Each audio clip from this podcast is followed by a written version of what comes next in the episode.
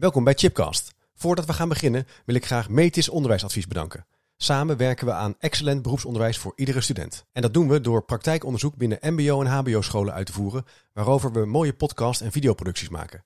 Kijk voor meer informatie op www.metis-onderwijsadvies.nl of check natuurlijk chipcast.nl. En vergeet ook niet de boekenkast van Chipcast te checken.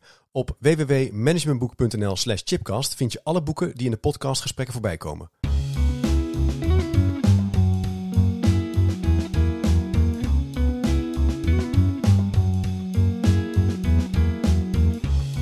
Welkom bij een nieuwe aflevering van Chipcast. Dit is een speciale editie, want het MBO-onderwijs staat centraal. We gaan uit de studio en naar de werkomgeving van studenten, van scholen en het werkveld. En vandaag zijn we te gast bij het ROC van Twente in Hengelo. En voor degene die ook kijkt op YouTube, we zitten in het EduLab. Het is een hele mooie plek, midden in de school. En deze school is overigens gebouwd in en om een oude storkfabriek. Dus ik kan je echt aanraden om even een kijkje te nemen. Het is heel erg mooi. En in het Edu- EduLab staat techniek en digitalisering onder andere centraal. En de professionalisering van eh, docenten. En er werken hier ruim 2000 medewerkers. En er wordt aan meer dan 20.000 studenten ja, onderwijs aangeboden.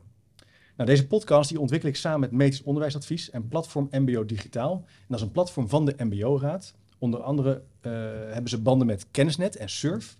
En als je nou nieuwsgierig bent naar meer, kijk dan even op www.mbodigitaal.nl. Nou, Remco en ik zijn dus op pad eh, gegaan eh, vandaag. We zijn eh, ja, weer aan de andere kant van het land. Leuk. We reizen nou ja, Friesland, Rotterdam en nu dus in, in het oosten. We maken vandaag een drieluik over digitaal burgerschap. Hoe ga je als beroepsopleiding om met digitalisering? Welke relaties zijn er te leggen met burgerschap nu de fysieke en digitale wereld steeds meer samen begint te komen? En de hoofdvraag van deze podcast is dan ook, neemt digitalisering straks het beroepsonderwijs over? En daar ga ik over praten met drie gasten.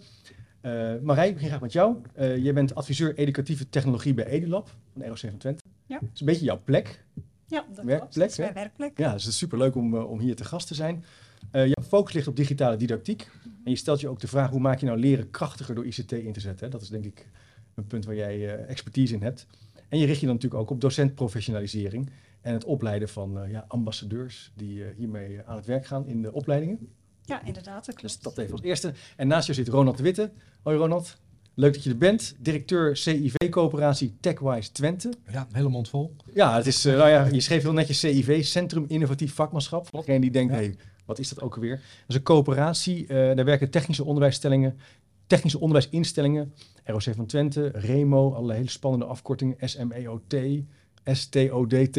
Ja. Maar het zijn allerlei, ik denk, partners Klopt. hè, rondom technologie, Onderwijsinstellingen hier. onderwijsinstellingen, samen met het bedrijfsleven. Eh, dus heel leuk dat je aan tafel zit om het over die vraag te, te gaan hebben. Eh, en aan de overzijde Maarten. Eh, Maarten was in de vorige podcast ook aangeschoven. Ja.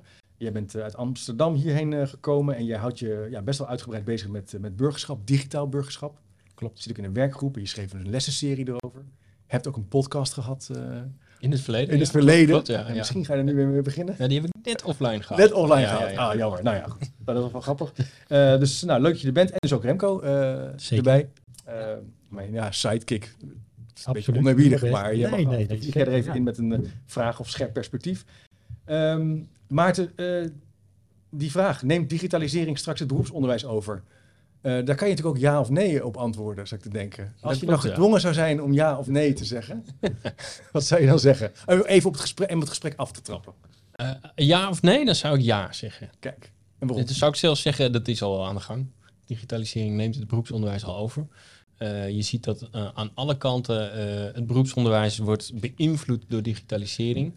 Eh, curricula veranderen, worden, worden meer gericht op digitale middelen. Ehm, eh, eh, nou goed, over- je kan er meer over vertellen, maar een digitale eh, didactiek neemt steeds meer de overhand. Er komen allerlei middelen om les te geven die Ja. digitaal zijn. Eh, dus op die manier komt eh, digitalisering de school binnen. Ik denk zelfs dat de rol van de docent sterk aan het veranderen is. Ehm, ja, ik denk dat het al gaande is. Ja. Dat is mijn eh, stelling. Kijk, in het MBO leidt natuurlijk uiteindelijk op voor het werkveld. Klopt. Hoe zou jij Ja. daar naar kijken, Ronald, als je het dan hebt over het werkveld? Is dan ook digitalisering het werkveld aan het overnemen? Jazeker. Ehm ik denk niet dat er iets is op de wereld wat niet eh, beïnvloed wordt op dit moment door de digitalisering. Nee. Ehm, ik denk dat het zowel inhoudelijk verandert als de manier waarop we ermee omgaan. Ehm, en daar bedoel ik mee, eh, de, de opleidingen veranderen qua inhoud, omdat je een andere eh, werkveld krijgt. Ja. Daar is veel meer automatisering. Maar je gebruikt ook de techniek weer om anders les te geven. Hè? Dus het snijdt aan twee kanten. Dus het, neemt het, eh, het vervangt het onderwijs niet, maar het, het, ver- ja, het vernielt het onderwijs Ja. wel. Mooi is, je- we gebruiken de techniek om ons onderwijs anders vorm te geven, door te ontwikkelen. En tegelijkertijd het werkveld verandert ook, waardoor ook het beroep verandert. Ja. Marije, zijn we er klaar voor, voor die, eh, voor die beweging? Ja. jij, jij leidt onder andere eh, docenten op. Hoe kijk Ja. jij daarnaar? Ik denk heel veel docenten wel eh, dat die er klaar voor zijn. Want u, net werd het ook al genoemd, de rol van de docent verandert ook heel erg.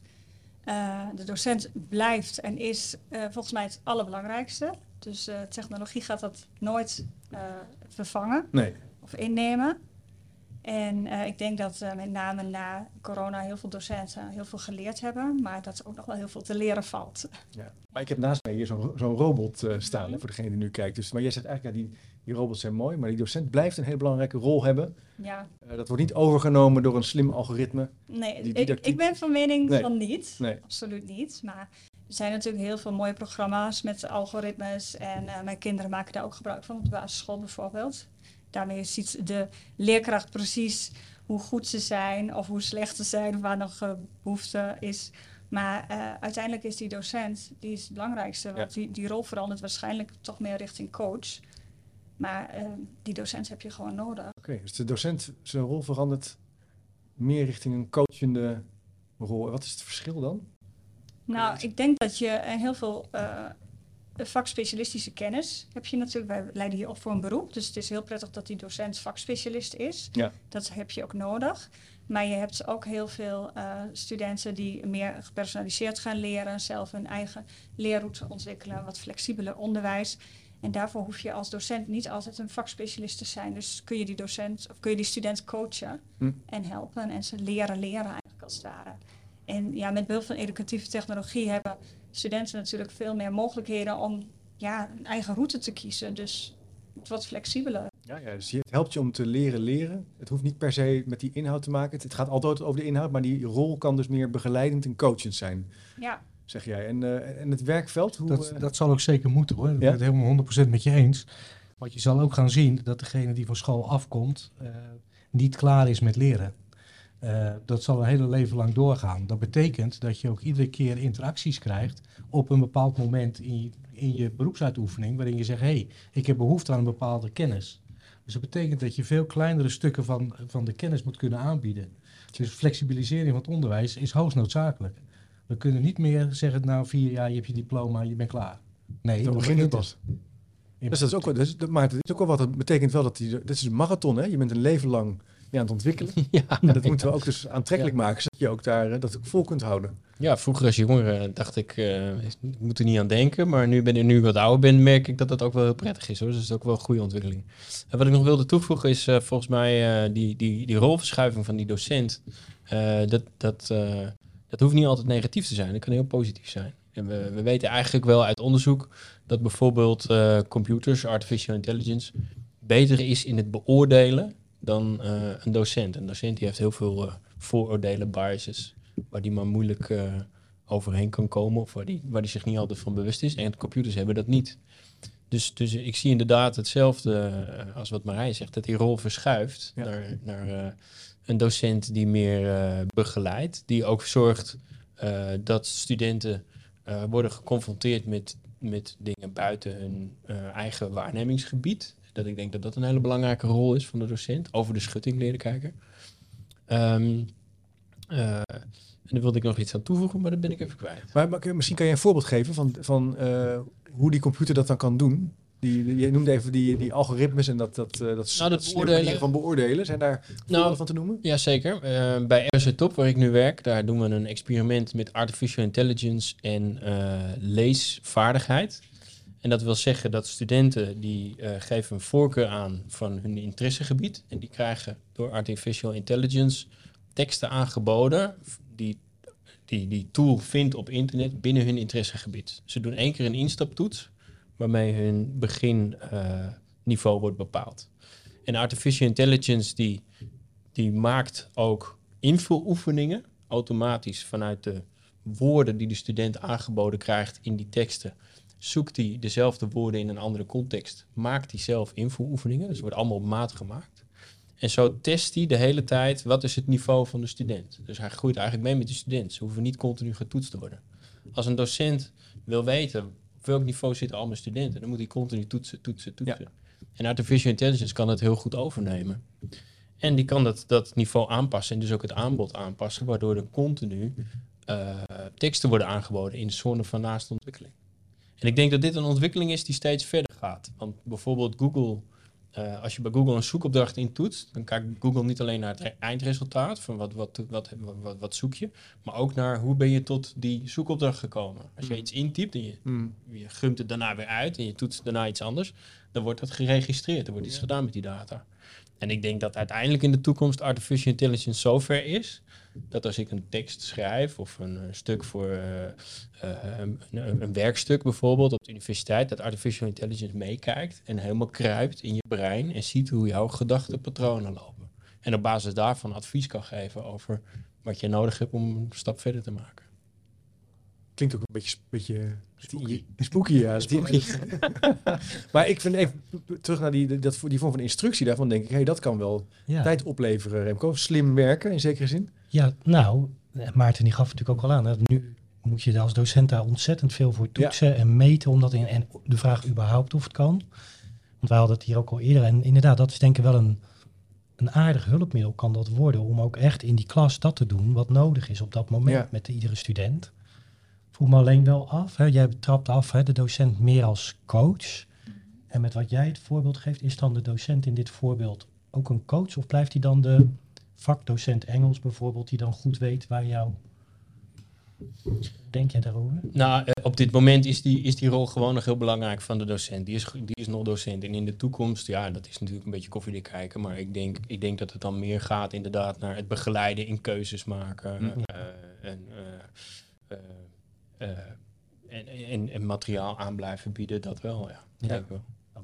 Waarom zou je dan nog eh, naar school gaan? Want een, een mbo is natuurlijk al super sterk verbonden aan het werkveld. Daar kunnen, kunnen denk ik heel veel, hè, het hoger onderwijs echt nog veel van leren. De verbinding met het werkveld. Ehm, wat is de functie van een school dan nog? Nou, in ieder geval wat ik hier naast eh Mireille hoorde zeggen, eh, leren leren. Dat is ook nog wel steeds een kunst. Hm. Ehm, wat, wat ik ook wel bespeur is dat de docent die voor de klas staat op dit moment allerlaatste technieken vakinhoudelijk misschien helemaal niet meer beheerst. En dat we misschien wel mensen vanuit het bedrijfsleven moeten integreren in het onderwijs om eh, dat stukje kennis in te brengen. Maar die heeft geen verstand van hoe ga ik iemand laten leren. Dus daar zal een samenwerking moeten komen tussen bedrijfsleven en onderwijs om die kennis over te dragen. Ja, ja. Wat we ook steeds vergeten eh, is, is, er is een hele grote groep die uittreedt, die heel veel kennis heeft. En wat doe je dan mensen die met pensioen, gaan. Ja, gewoon leeftijd leuke dingen gaan doen in het leven, hè, om het zo maar te zeggen. Maar, maar die kennis, die, hoe gaan we dat borgen? Ja. Waar is dat gebleven? Ja. Eh, dus een Maar hoe gaan we dat school doen? is Ja? typisch een plek waar ze weten hoe je kennis moet borgen. Oké, dus, Dus dat waarom school kan helpen. veel meer dat stuk gebruiken Ja, ja. om ja, dat naar volgende generaties door te geven. Dus je bedoelt dan kennis die verdwijnt in het werkveld, bedoel je? Ja. Dat daar school een rol in kan gaan betekenen? Nou, ik denk dat een bedrijf eh, op zich te weinig eh, bezig is met hoe ga ik die opvolging regelen. Ja. Oké, ja. Er komen steeds minder mensen. Ja. Eh, terwijl je normaal gesproken zei, als iemand met pensioen gaat, weet je wat doen? We zetten er een jaar eerder of als iemand ernaast kan die kennis overdragen. Maar die, die naast, die is er even niet meer. Nee, er zijn wel voorbeelden in Nederland bekend van, eh, van hele hoogwaardige technische bedrijven waar dus eh, mensen die oud zijn met pensioen gaan en ze dus niet meer het onderhoud van bepaalde eh, machines eh, meer hebben, omdat die, omdat die mensen zoveel weten. Dus dat vraagt eigenlijk ook dus een soort Precies. kennisoverdracht. En Ja. jij zegt eigenlijk digitalisering en dit soort type samenwerking kan helpen om dat soort diepere liggende kennis te verankeren en te borgen. Dan is de school MBO niet meer de MBO, hè, maar het is Nee. veel meer een kennisinstituut. Hoe leg je het vast? Hoe draag je het over? En hoe ga je daarmee om? Interessant. ja. En eh Marij, zie je dat voor je? Kennisinstituut? Of zeg je al, misschien zeg je al, dat zijn we eigenlijk al wel een beetje. Ehm, nou ja, wat mij net triggerde is het stukje, wat jij net ook zei, van eh, kennisoverdracht. Hoe zorg je nou dat het beklijft? Dat daar de school eh, expert in is, hè? Dus dat stukje didactiek. Ja. Ehm, want eh, op het, in het werkveld leer je heel veel. Misschien nog wel meer dan op school, hè, als het gaat om praktische uitoefening. Maar eh, juist hoe onthoud je de dingen? Hoe eh, zorg ik dat ik het niet elke keer weer opnieuw op hoef te zoeken in het protocol? Maar hoe, eh, hoe leer ik het echt? Ja, dat is een stukje didactiek. Ja. En ja, daar is de school natuurlijk expert in. En hoe professionaliseer je daar dan in als, als docententeam? Nou ja, Kan je dat doen? Dat kan hier in het EduLab. Ja. Ehm, geven we trainingen en scholingen over digitale didactiek. Maar het mooiste is natuurlijk dat je op de werkvloer collega's hebt, dus docenten hebt, die daar eh, bekwaam in zijn en die daar, eh, pionier noemen we dat soms, maar ik, pionier klinkt alsof het iets nieuws is, terwijl het natuurlijk niet iets nieuws is, digi- eh, didactiek en digitale didactiek. Maar dat je collega's bij je hebt die je daarmee kunnen helpen en ondersteunen en Ja. kunnen uitproberen in de klas of in de lessen of ja, wat je maar doet. Hè. Ja. Een kennisclip is bijvoorbeeld een mooi voor- voorbeeld. Dat is een video. Ja, iedereen kan op YouTube een video bekijken. Maar daarmee blijft nog niet die kennis hangen. En Nee. zul je En wel dat- iets met die video moeten doen. Ik, eh, als ik, op, ik werk dan ook op de universiteit en dan zeggen ze, iedereen heeft het nu over kennisclips. Maak jij ook kennisclips? En dan, maar ja, dan denk ik, wat mij door deze dag ook zo doet realiseren, is dat het echt een vak is om je digitale didactiek eh, scherp te krijgen. Het is niet zomaar, zoals we in coronatijd, dan ging ik gewoon mijn hoorcollege gewoon inspreken op een camera. Ja, dat, is natuurlijk, Ja. dat leidt niet echt tot een soort plezierige ontmoeting en tot het eh, onthouden van kennis. Dus het vraagt echt wel een soort... eh, ja, Het vraagt heel veel kennis over didactiek. Ja. Het begint met gewoon Ja. didactiek. Ja. En dan komt het stukje technologie of digitalisering komt erbij eigenlijk. Maar hoe pak jij dat aan? hier goed in worden en blijven? Nou, ehm, dat is eh, door eerst te, kijken, eh, zet je de digitalisering in als doel of middel? En ehm, ehm, de, de eerste stap moet mijns inziens altijd zijn, het is een middel om, om je didactiek te versterken. Wat, wat ik heel vaak zie gebeuren bij eh, het inzetten van eh, digitale middelen, is dat het wordt gebruikt als substitutie voor iets wat er al was. En dat het eigenlijk de didactiek niet versterkt. Hè? Dus wat, je vroeger op een papiertje krijgt, dat krijg je nu in een app, bij wijze van. Ehm, dus het moet, de het, het moet je didactiek versterken. En dan is het ook nog zo eh, dat eh, de implementatie van digitale leermiddelen zorgt voor een gedragsverandering bij docent en bij student. En daar moet je je bewust van zijn. En als je daar je bewust van bent, dan kun je die dus ook weer laten aansluiten bij die versterking van de didactiek. Ja. Ja. Want wat ik dus ook best wel vaak zie gebeuren, is dat eh, een digitaal middel wordt ingezet, maar dat men wel op de oude manier blijft werken. En een goed voorbeeld is wat jij zegt. Ik geef online mijn hoorcollege, ik gooi het online. Maar, maar er is een hele andere dynamiek tussen jou en je studenten online. En, en ze zitten er heel anders bij. Ze zitten in een ochtendjas waarschijnlijk. Of, eh, Camera uit. ja, Ja. Camera uit. Ja. camera uit. Dus de, het contact is anders. En, Ja. de- de- de- en daar moet goed over nagedacht worden. En als je daarvan de kansen pakt en, en, eh, en de valkuilen weet te benoemen, dan kan het versterken. Dan, Ja. dan zit je er voor, volgens mij goed in. Dat is interessant, want dan komen we toch bij dat punt van dat kennisinstituut, dat daarmee dit soort scholingsplekken een soort leerwerkplek worden. Niet alleen voor de student, maar ook voor de docent. Ja. Die leert dus eigenlijk actief mee. En in zekere zin ook voor het werkveld. Ja, zeker. De medewerkers die zullen ook op die manier betrokken moeten blijven. Ja. En de techniek gaat zo verschrikkelijk hard eh, dat je... eh, toevallig ben ik bezig met een seminar te organiseren over wat betekent het nou voor de functieinhoud hè, als we meer gaan digitaliseren. We noemen het nog steeds werkvoorbereiden bijvoorbeeld. Maar die man die doet totaal andere dingen dan drie jaar geleden. Kan je, eh, vertel je iets meer over, werkvoorbereiden? Wat doet hij dan anders? Nou, eh, wat je bijvoorbeeld ziet is door de hele digital twin, hè, dus dat je vanuit 3D-modellering eh, machines aan kan sturen, dat je het eigenlijk helemaal digitaal al kan uitvoeren zonder dat je het in de praktijk al doet. Dat betekent dat je achter je bureau alles al bedacht kan hebben. Ja. En, en vroeger was dat iemand die deed de inkoop van het materiaal, er ging iemand aan de gereedschappen kijken, een ander die ging weer naar de machine kijken. En zo had je een hele verdeling van taken, terwijl dat nu door één persoon gedaan kan worden. En op een hele andere manier die fabriek aanstuurt. Dus die procesoperator die er staat, die krijgt hele andere informatie aangeleverd. Dan dat hij vroeger op papiertje kreeg met een tekening en een stuk materiaal. En nou sterkte en, eh, en ik hoop dat er een goed Ja, product ja, uitkomt. Ja, dus de, de hele aansturing van zijn fabriek verandert. Dat zal ook wel moeten, hè, want als er meer mens, minder mensen zijn en we willen dezelfde hoeveelheid output hebben, ja, moeten we ergens slimmer gaan werken. Ja. Ja. En we kunnen niet hetzelfde blijven doen. Nee. En zijn, ben zijn, zijn jullie als bedrijfsleven dan, eh, vinden jullie dat de, de onderwijsinstellingen voldoende meebewegen op deze trend? Of zeg je van nou, ze mogen wel even D- dat is ook in een galop heel- komen? Dat is ook een heel lastig punt. Hè? Eh, Ja? eh, bedrijven nemen een Demcon of een Thales hier in de regio. Toonaangevende bedrijven die lopen echt wel vooruit. En de gemiddelde MKB met 10, 15 medewerkers, die heeft misschien best wel moeite om die investeringen iedere keer te kunnen doen om te digitaliseren en te automatiseren. En wij, ja, vanuit het eh, MBO-onderwijs leveren wij studenten voor beide groepen. Uh, dus het is best lastig als je in, met het bedrijfsleven in gesprek gaat van ja, wat hebben jullie nodig? Die ene zegt ja, doe maar rustig aan. en de andere zegt ja, kan het niet wat Ja, sneller. Ja, ja, ja. Uh, dus ook in, in de stagiaire uh, mogelijkheden en in de begeleiding is dat best lastig. Ja. Om dat, dat tempo goed te houden. voor het weet mogen de grote jongens het bepalen, om het even zo te zeggen. Of, Ja, en dan denk ik ook dat het fout gaat. Dat ja, dat gaat niet ook dat willen, maar dat, dat kan gebeuren. Ja, dat kan gebeuren. Ja, daar heb ik nooit bij stilgestaan. Dat het dus eigenlijk verschillende tempo's zijn. eh, Ja. In zekere zin. Hè? Een grote Ja, er is niet Dat is het lastige met klassikaal onderwijs, want dan wil je graag één maatstaf hebben. Maar als je naar individueel onderwijs gaat, worden het hele andere vraagstukken. Ja, zou jij dat ook een pleidooi... Wil je daar een pleidooi voor houden? Voor in- Jazeker. Ja, zeker. Ja, oké. ik, ik heb daar wel ideeën over. Dat als je, eh, simpel voorbeeld, iemand die bijvoorbeeld uitstekend uitmuntend eh, in wiskunde zou zijn, Ja? maar heel slecht in talen, ja, die gaat misschien zijn diploma wel helemaal niet halen. Nee. Nou, volgens mij als bedrijf en je wil iets met een wiskundige, dan ben je toch gek als je meneer niet aanneemt. Jij zegt, Dus kan je niet gaat naar competenties kijken, je gaat niet naar diploma's kijken. Hm, ja. En wij zijn nog heel erg diploma gericht, eh, keurig netjes, allemaal je gemiddelde halen. En dan krijg je een papiertje en dan is het prima. Ja, volgens mij gaat het er helemaal niet om. Jou, jou gaat veel meer om, om dat persoon met die specifieke set van talenten, bekwaamheden. Nou, Die mooi dat je talenten noemt. Want eh, wij zijn natuurlijk in elke sector zijn we nu aan het kijken hoe halen we mensen naar binnen. Als je niet oppast, dan halen we zo liefst mogelijk iedereen naar binnen. Nou, ik weet één ding, er wordt onderwijs heel duur, de uitval wordt heel groot en het gaat niet lukken. Dus voor mij moeten we veel eerder in het basisonderwijs al gaan kijken, waar liggen de talenten van iedereen?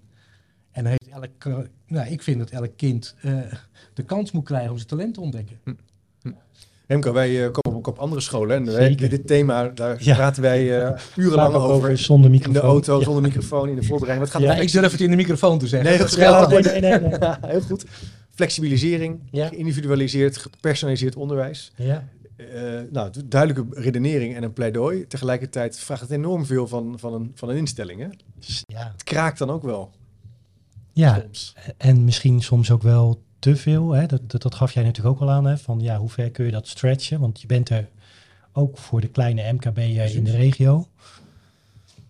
De, de, de lastigheid, ten- tenminste, ik, ik, een paar dingen die je op veel plekken terug ook hoort, is dat aan de ene kant wil je als docent mee met die digitale didactiek en kan het je helpen in deze ontwikkeling, maar je moet ook misschien mee met de digitalisering vanuit je vak, hè, vanuit je specialisme. En je bent als team eigenlijk aan zet, hè, want je mag het ook allemaal als onderwijsteam tegenwoordig, moet je ook allemaal zelf je, je beelden op vormen en daar ook invulling aan geven. Dus je merkt daarin ook wel dat het veel teams daardoor ja, worstelen met wat moeten we nu doen. En soms denk ik ook wel eens, het kan misschien best wel eens helpen als we daar wat meer duidelijkheid in gaan geven en bijvoorbeeld differentiëren, personaliseren, ook eens in de school gaan toepassen tussen de verschillende onderwijsteams.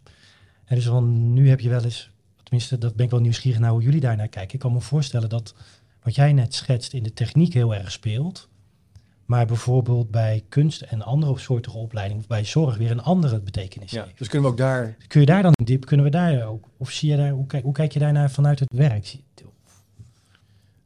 Wat bedoel je precies? Nou ja, dat, dat, dat je misschien ook wat meer moet gaan differentiëren binnen zo'n school. Dus dat niet iedereen bijvoorbeeld naar wat je net schetst al heel erg vroeg gaan kijken voor bijvoorbeeld techniek of de talenten die daarin zijn. Terwijl dat in een ander vakgebied misschien pas later komt. Of dat dat eerst gewoon een soort klassikale lessen zijn. Ja, ik, ik denk wel degelijk dat je natuurlijk eh, niet alleen de techniek als talent moet toetsen. Je moet Nee. dan over alle sectoren breed kijken. Ja. Ehm, maar ook bijvoorbeeld hoe makkelijk is het om van de ene sector naar de andere omgeschoold te worden. Daar zullen we ook naar moeten gaan kijken. Ja. Als je dan vastloopt in je talent of je hebt het idee dat een andere weg gekozen moet worden, hoe doe je dat? Volgens mij werkt het alleen als je het met de hele school doet. Want als je personalisering eh wilt bewerkstelligen in het onderwijs, dan, dan, dan, dan moet je je hele onderwijsbedrijfsvoering gaan veranderen. Hm. Het raakt je roostering, Ja. het raakt je curriculum. Financiering. Ja, financiering, je inzet van docenten, eh het raakt alles. Dus als je de ene opleiding wel doet en de andere niet, dan voorzie ik al eh, dat, dat men gaat zeggen, nou dit werkt niet. En dat Nee. dan weer teruggedraaid wordt naar het oude. Ben het wel overigens eh, met Ronald eens dat het een opdracht is van het onderwijs om hier echt iets mee te doen.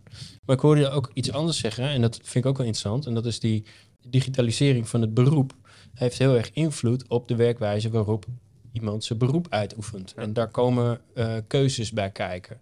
En eh, wat wij voor de werkgroep Digitaal Burgerschap proberen te bewerkstelligen, is om MBO-scholen bewust te maken, ook van die digitalisering van het beroep. En dat je daar als school iets mee moet. Als je bijvoorbeeld als beveiliger eh, je werk uitoefent, dan doe je dat misschien anders op het moment dat je gefilmd wordt. Of dat je een bodycam draagt. Dan op het moment dat je Ja. dat niet. Ja. En, en, en dat zijn dingen waar volgens mij in klaslokalen nog heel weinig over gesproken wordt. Of eh, als er een, eh, een, een nieuw systeem aangeschaft wordt door een bedrijf. Welke effecten heeft dat voor mij als werknemer, maar ook voor de mensen met wie ik werk? En op basis van welke waarden maken wij eh, die besluiten? Dat is volgens mij waar digitaal burgerschap om draait. Dat je die studenten een digitaal kompas meegeeft. Een digitaal kompas, een moreel kompas meegeeft. Ja. Met, eh, let op dat, dat die digitalisering invloed heeft op het uitoefenen van je beroep. een beetje-. Een beetje denken aan wat, ik bij, wat we bij Aventus hebben gezien in ROC. eh, waar- die werken met levensechte leereenheden. Die zeggen eigenlijk ook dit soort dilemma's en vraagstukken trekken we de school in of we gaan er naartoe.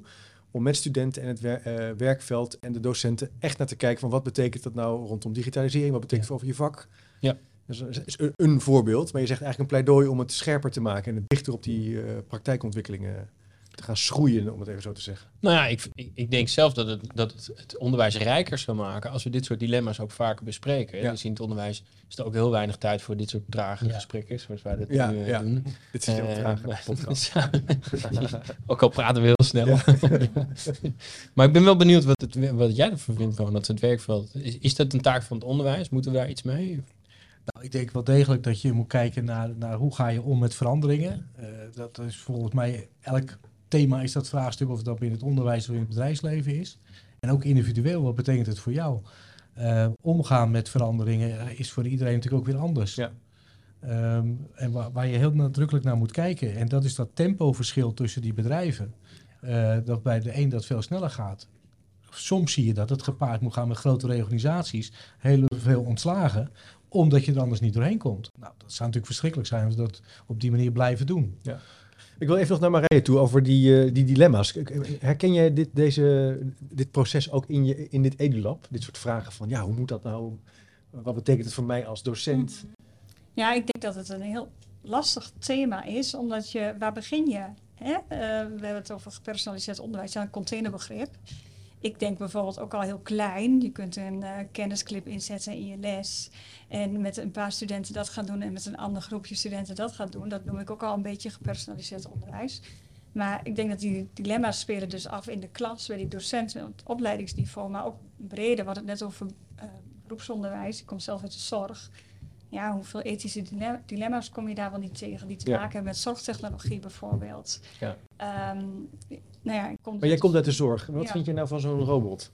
Ehm, ben ik wel benieuwd. Denk je nou, nou, daar ben ik wel blij mee. Die mag mij helpen als ik weer ooit... eh, ja, ik denk dat, dat nou- robots in de zorg ook eh, uiteindelijk wel onmisbaar worden. Ja. Maar dan heb ik het niet over zo'n robotje wat hier staat, Nee. die kan zingen en dansen. Dus dat is heel leuk Oh. voor, kinderen die in de wachtkamer misschien moeten wachten en een spelletje willen doen. Maar als je het hebt over artificial intelligence, er zijn robots. ehm, er zijn studies bekend waar bijvoorbeeld eh, mensen met eh, psychische aandoen- aandoeningen liever met een robot praten Ja. dan met een echte hulpverlener, omdat ze dat zo spannend vinden of zo zich misschien een beetje schamen voor waar ze mee zitten, dat ze liever tegen een robot praten die dus echt een goed gefundeerd antwoord teruggeeft en niet zegt, ach jammer, eh, wat... eh, En je denkt dan, je denkt dan niet, blijkbaar niet, hè, van eh, daar gaat mijn vak. Jij, jij omarmt eigenlijk die beweging. Of, zo.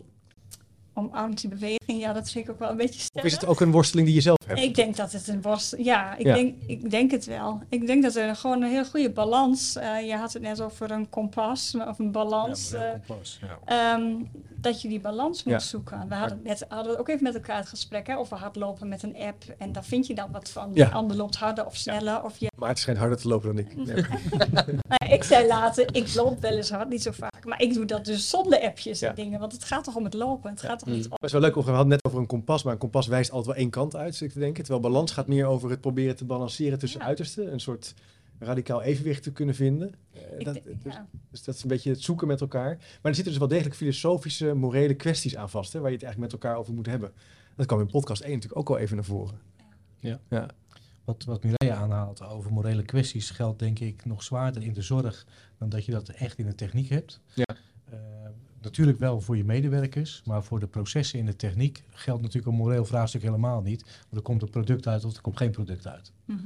En, en eh, in de zorg is natuurlijk het product wat je hebt zijn mensen. Dat is Ja. natuurlijk wel even een andere Ja, vraag. dat is een mooie, een mooie aanscherping inderdaad. Ja, ja. Dus misschien ligt het ook wel heel erg aan die patiënten, hè?